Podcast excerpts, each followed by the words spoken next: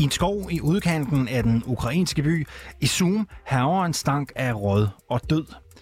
Det er højlys dag, og idyllen ved fyretræerne brydes med lange rækker af trækors. Flere korsene er nummeret i rækkefølgen 193, 194, 195. Ukrainere i blå dragter og med masker på graver lige op.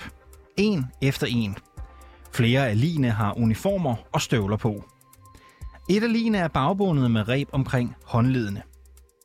Jorden i skovbunden her har holdt på hemmeligheder indtil nu, altså. Du lytter til konfliktzonen, hvor vi i dag ser nærmere på det chokerende syn, der er dukket op i skovbunden i det nordøstlige Ukraine. Et syn, som befolkningen frygter, der vil gentage sig de steder, hvor russiske styrker bliver skubbet tilbage af ukrainerne. Og så spørger vi, hvad det egentlig betyder for den ukrainske fortælling om krigen. Mit navn er Alexander Vils Lorentzen. Velkommen til Konfliktzonen. Stefan Weigert, velkommen til programmet. Tak skal du have. Du er dansk journalist, du er bosat i Ukraine, og i dag der er du med os øh, fra Kharkiv. Du har for nylig besøgt Izum som en del af en pressetur. Og jeg synes lige, vi skal se nærmere på de ting, du oplevede her. Men må jeg ikke allerførst spørge dig, en pressetur, hvilken pressetur?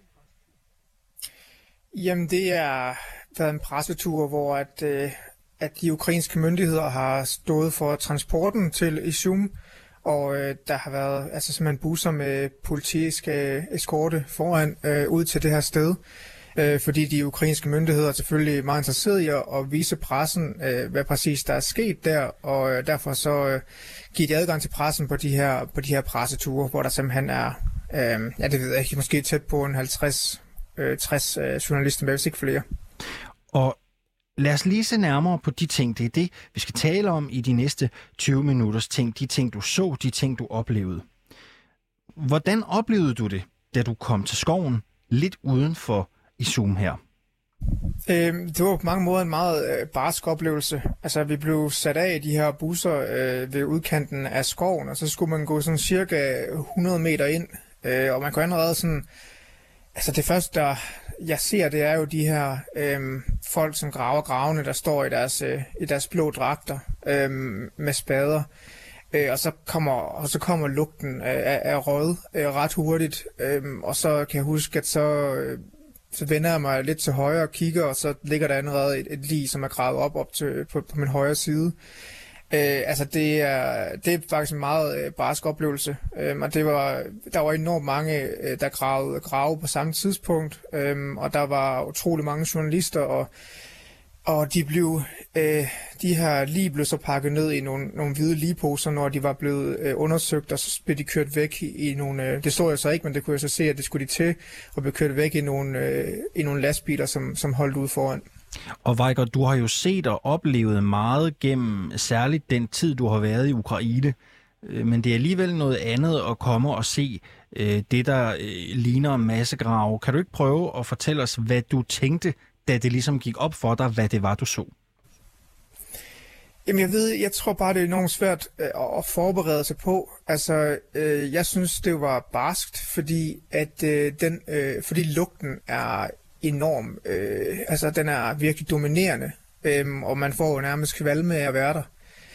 Øh, og hvordan skal jeg sige det? Altså, det, når man ser på de her mennesker, øh, som, som, som er blevet gravet op, altså, øh, de ligger jo i lerholdt jord, vil gøre, at de er lidt bedre bevaret, kunne vi høre i forhold til teknikerne, men altså, de er, de, deres hud ser ud som, som øh, man siger, gammel læder, øh, der er sunket sådan lidt sammen. Altså det, det er faktisk på mange måder meget barsk oplevelse på, fordi man kan godt se, at det har været mennesker, altså de er jo ikke sådan, det er ikke kun knogler.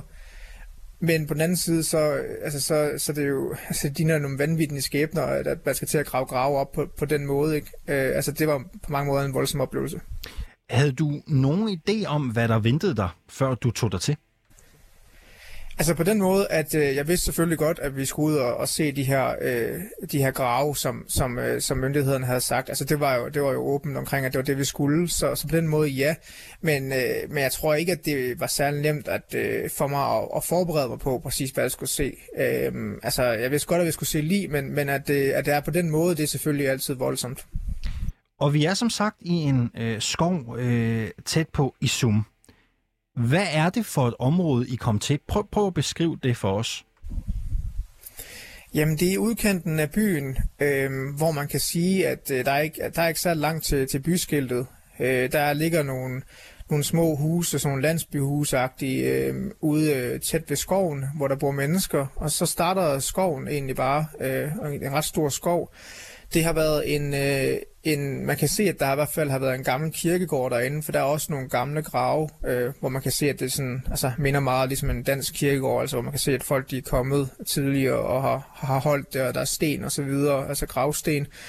Øhm, og så er der sådan set et område der, og når man så allerede i udkanten af skoven, øh, kan man se, at, øh, at der er sådan nogle øh, form for kampvognsgrave. Altså det har også været, der har været masser af, af russisk øh, militærgrej, der har været i udkanten af skoven, og så skal man lige ind bag det, og så er det så, at gravene begynder.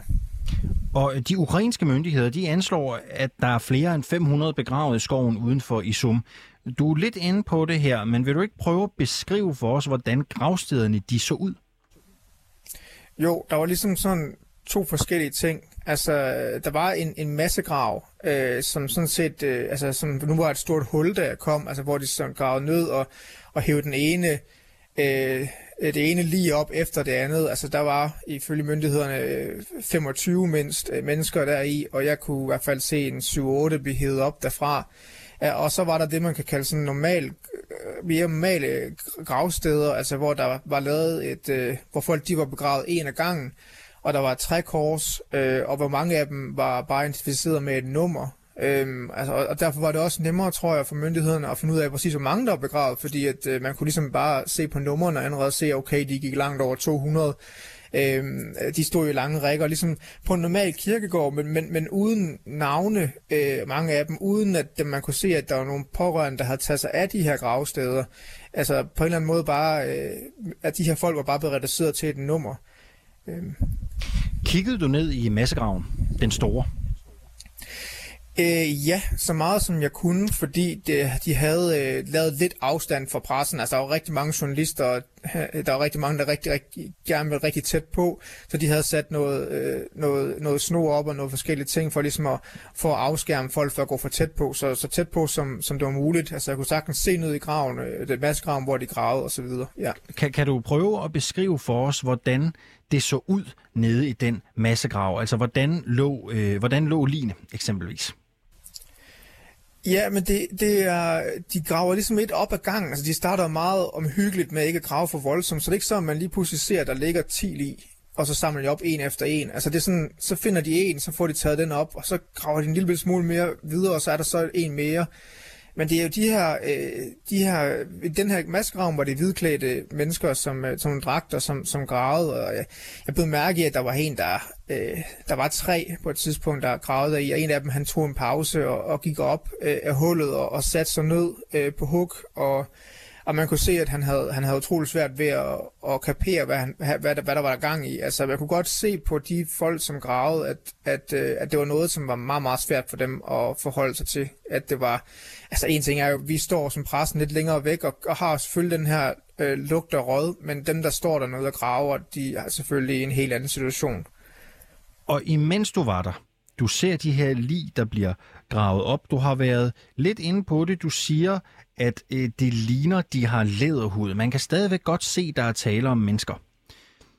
Øhm, prøv at beskrive for os, hvordan de her lig egentlig, øh, egentlig så ud, så detaljeret som du kan. Ja, altså, der, der er lidt forskellige, øh, hvordan de ser ud. Altså, nogle af dem øh, har i hvert fald det, der ligner for eksempel øh, nogle, nogle militære støvler på. Altså sådan nogle sorte støvler, som, øh, som man går ret langt op øh, på, på, på, deres, på deres ben. Øh, og, og derfor så ligner en del af dem, at, at de i hvert fald har været i militæret. Øhm, øh, de, deres tøj, øh, hvis de har tøj på, er, er jo altså, er nærmest sådan, altså, det er nærmest sådan forsvundet. Altså, der er ikke så mange farver umiddelbart på tøjet længere. Og så er der så selve kroppene. Altså, øh, jeg husker specielt, øh, specielt en, som, som lå nede. Hans, hans hoved var modsat mange andre, så nærmest... Øh, øh, nærmest forsvundet. Altså, der bare ligesom, det var bare var, altså, der kom et hul ind i hans hoved, der lå bare jord i, på en eller anden måde. Øh, og så, så var det bare så hans overkrop. Altså, han havde, han havde to øh, armbånd på sin, på sin høj, øh, venstre hånd, øh, hvor at, øh, de var i de ukrainske farver. Og det var ligesom det eneste, der sådan rigtig var i god stand ved ham. Og så begyndte de øh, at, øh, at vaske, altså retsmedicineren, som står der, inden de kommer i de hvide lige poser og går klar til at transportere væk, han begyndte at vaske hans, øh, hans overkrop. Og så kunne man begynde at se nogle, nogle tatoveringer, øh, som stadigvæk, øh, altså stadig var synlige på omkring hans mave og hans bryst. Øh, blandt andet var der en fønixfugl, han har tatoveret ned på øh, venstre side af maven. Øh, og så øh, på hans venstre øh, overarm havde han tatoveret et, øh, et, et navn. Det var svært at læse det på grund af, at huden var sådan nærmest øh, sunket sammen og krøllet. Men øh, der, var et, øh, der var et navn, og så var der det, som lignede nogle hjerter, der var tatoveret omkring det der navn. Altså, så det, på den måde øh, kan man jo godt, selvom ham han ikke havde rigtigt ansigt, du kunne ikke rigtig, du aldrig kunne genkende ham øh, på ansigtet, du ville ikke rigtig kunne se, at han er menneske på ansigtet. Men, men når du ligesom, der er altid nogle ting ved de her lige, som gør, at du ligesom kan se, okay, det her så har været nogen, der har en historie, det er, det er et menneske, fordi de har nogle tatoveringer eller et eller andet på kroppen, eller nogle armbånd for eksempel. Øh, ja. Og lugten har du også været lidt inde på. Øhm, du siger, der øh, er øh, massegrave. Øh, de finder over 25 mennesker alene i massegraven. Hvordan lugter det? Det lugter forfærdeligt. Øh, altså, det, det ligger, altså, jeg har selv beskrevet som, det ligger lidt som en, en dyne over området. Altså, det er som om, det er ikke rigtig, lugten vil ikke rigtig forsvinde. Det er som om, den bare ligger i den der skov. For hver gang, at de, de, de hiver et nyt lige op, altså, så, så, så bliver den bare kraftigere. Øh, og de ligger jo de her lige nogle gange på jorden et stykke tid, inden de bliver øh, smidt i de her hvide poser, fordi retsmedicinerne lige skal have øh, skal lige have kigget det, det, altså det mest åbenlagte, eller åbenlyse igennem, for lige at finde ud af, hvad der er sket måske. Altså den her lugt, den, den får lov til at dominere rigtig meget. Altså for mig, der mindede det mig om, øh, altså Øhm, da min, jeg bor jo i Kiev, og dengang, at øh, invasionen startede tilbage i februar, der var jeg ikke i Kiev, men bare min kæreste, og hun flygtede ud af lejligheden, og før hun flygtede, der tog hun alt vores kød ud af fryseren og smed på balkongen, bare så køleskab og fryser ikke skulle gå til. Øh, det var jo koldt på det tidspunkt, så der skete jo ikke noget med, hvad det var på balkongen. Men altså, da vi så kom tilbage først til lejligheden i, til, til april, ikke? Altså, hvor der var blevet varmt, så var det her kød, der havde ligget på, på balkongen, det var jo blevet, øh, altså det var jo forrådnet, og der var mad ikke, og i alt muligt. Det, det, det er sådan en lugt. Altså det er, det er så dominerende en lugt, der næsten er, er svær at få væk. Altså det er ligesom om den også hænger øh, på ens tøj. Øh, altså jeg, jeg følte, da jeg kom hjem til lejligheden her, efter at have været derude for eksempel, at, at jeg ligesom ikke rigtig kunne, kunne, kunne få det af min sko på en eller anden måde. Og det er nok noget, der måske har været lidt indbildt, måske, men, men det var sådan meget dominerende, og det, det sad ligesom i en. De mennesker, der har genereret øh, den her øh, rødlugt, de her mange lige, ved vi, hvornår de er blevet begravet? Øh, jamen, de, det er svært at sige. Øh, jeg tror, at, øh, at det er noget, som, som myndighederne nok finder ud af noget mere om på et tidspunkt. Altså, altså chefanklageren derude, eller man sige chef efterforskeren derude, han sagde, at, øh, at en del af dem kunne være sket for relativt nyligt, men altså vi ved jo, at russerne har haft øh, byen under kontrol i månedsvis, så, så det kan være i alle mulige forskellige øh, tidspunkter, og der er også meget forskelligt, hvordan øh, linje ser ud. Altså nogle af dem er jo er der ikke ret meget tilbage af, hvor man kan se primært tøjet, ikke? Øh, og, og, og andre, der er der ligesom øh, stadigvæk et menneske, og, og, og det, det er den store forskel. Øhm, og så, så er det jo også en, altså, virkelig svært at kende, kende, forskel på, om det er kvinder eller det er mænd, der bliver gravet op. Altså det er, det er øh, og jeg tror også, derfor har de også svært ved ligesom at, også at finde ud af præcis, altså hvor lang tid det har været. Det er også det, de snakker om. Altså fordi de, nogen, de er begravet i ler, så er det nemmere at, altså så er kropperne mere intakte, end hvis de var øh, begravet i almindelig jord, øh, siger de derude. Men, men det er ligesom om, at det ikke altid er den samme jord alle steder, så derfor så er det også svært at, ligesom at finde ud af præcis, øh, hvornår de forskellige lige er, er begravet, tror jeg. Har Line været udsat for tortur? Øh, jamen, altså, der er jo simpelthen kommet billeder ud, ikke, at, at, at lige der har været, ser ud til at have været bagbundet. Øhm, så der er nogle tegn på, at det har fundet sted. Altså de ukrainske myndigheder siger jo, det er næsten alle sammen af dem, de har gravet op, som viser tegn på, at at have været udsat for tortur. Og det, det kan jeg ikke selv bekræfte. Altså der er jo også øh, forlyden om, at nogle af dem har jo været, øh, altså har været folk, der er døde i, øh, i artilleri for eksempel, fordi byen har jo været angrebet øh, enormt meget fra, øh, fra både af ukrainerne, når de har prøvet at tage byen, og fra russerne, når de har prøvet at tage byen. Og en del mennesker er jo døde i, i de artilleriangreb øh, og de kampe, der har været i og omkring byen. Og der er også snak om, at nogle af de mennesker, som døde i byen, også er kommet derud og blevet begravet. Altså folk, der kan jo lige så vel have, have været slået ihjel af ukrainer. Men det er i hvert fald ikke noget, som myndighederne snakker om, fordi myndighederne vil gerne pege pilen mod Rusland 100% og sige, at det er, det er Rusland, der står for alt det her. Men uanset hvordan man øh, kigger på det, så er der i hvert fald en del ting, der tegner på, at i hvert fald nogle af de her mennesker har været udsat øh, for, for, for tortur, eller i hvert fald har været udsat for øh, altså i hvert fald er blevet måske endda, hvad kan man sige, skudt eller slået ihjel, mens man har været bagbundet.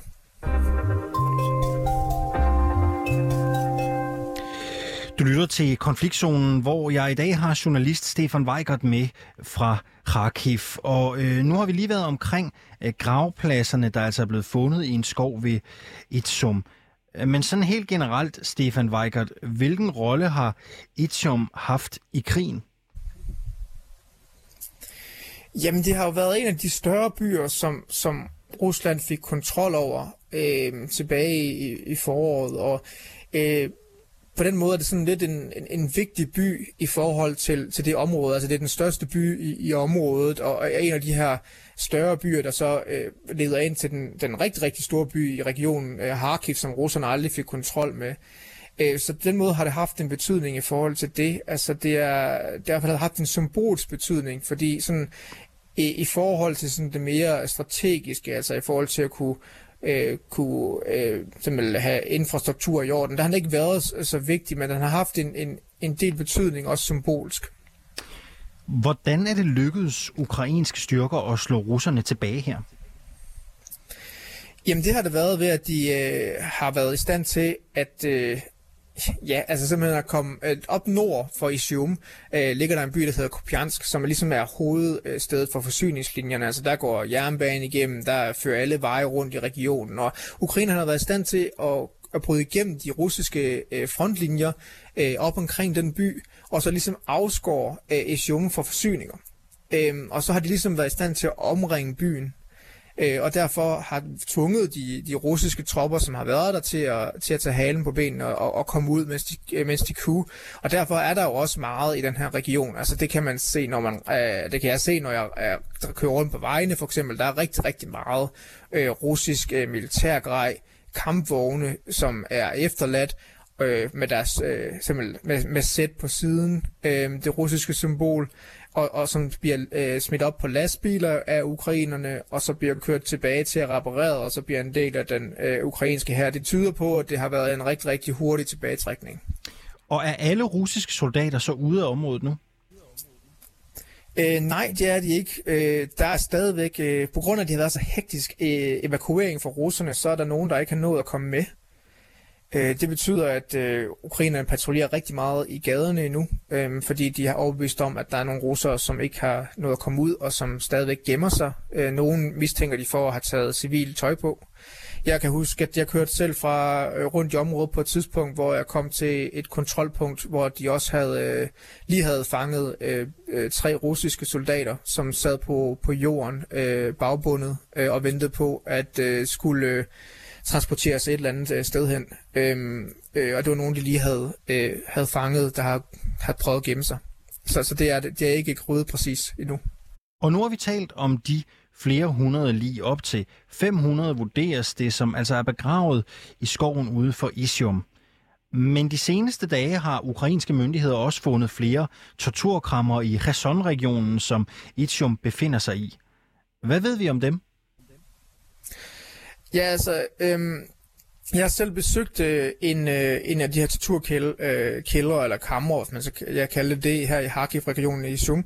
Øhm, øh, jeg var i Balaklaya, som er en af de andre store byer i området, øh, som tidligere var, var rigtig tæt på, på frontlinjen, før at øh, Ukrainer fik kontrol igen. Altså, det var en politistation, som var, øh, som var lavet, altså som selvfølgelig havde nogle få celler.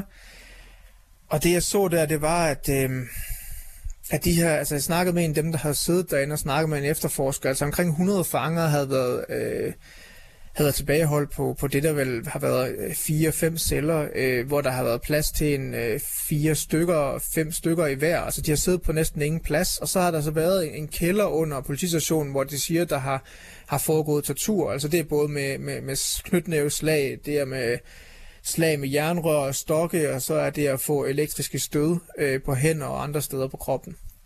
Og hvad ved vi om de her øh, nye torturkammer, som, som er blevet fundet? Er det nogen, der er i samme stil, eller, eller hvad ved vi om det, hvis vi ved noget? Ja, altså jeg har kun set den ene. Øh, jeg ved, at de ukrainske myndigheder siger, at de har fundet flere, blandt, øh, blandt andet i Shum for eksempel. Øhm, Altså, det, det, det passer jo den, øh, altså dem, der har været der, det har været folk, som har øh, været mistænkt af, af russerne for at være spioner, eller, eller være sabotører. Og ham, jeg snakkede med, øh, som har siddet inde i, i Balaklaya, han sagde jo også, at øh, han havde øh, reelt set øh, været spion for, for den øh, ukrainske, ukrainske her. Så, så der er en del af dem, der har siddet derinde på grund af det.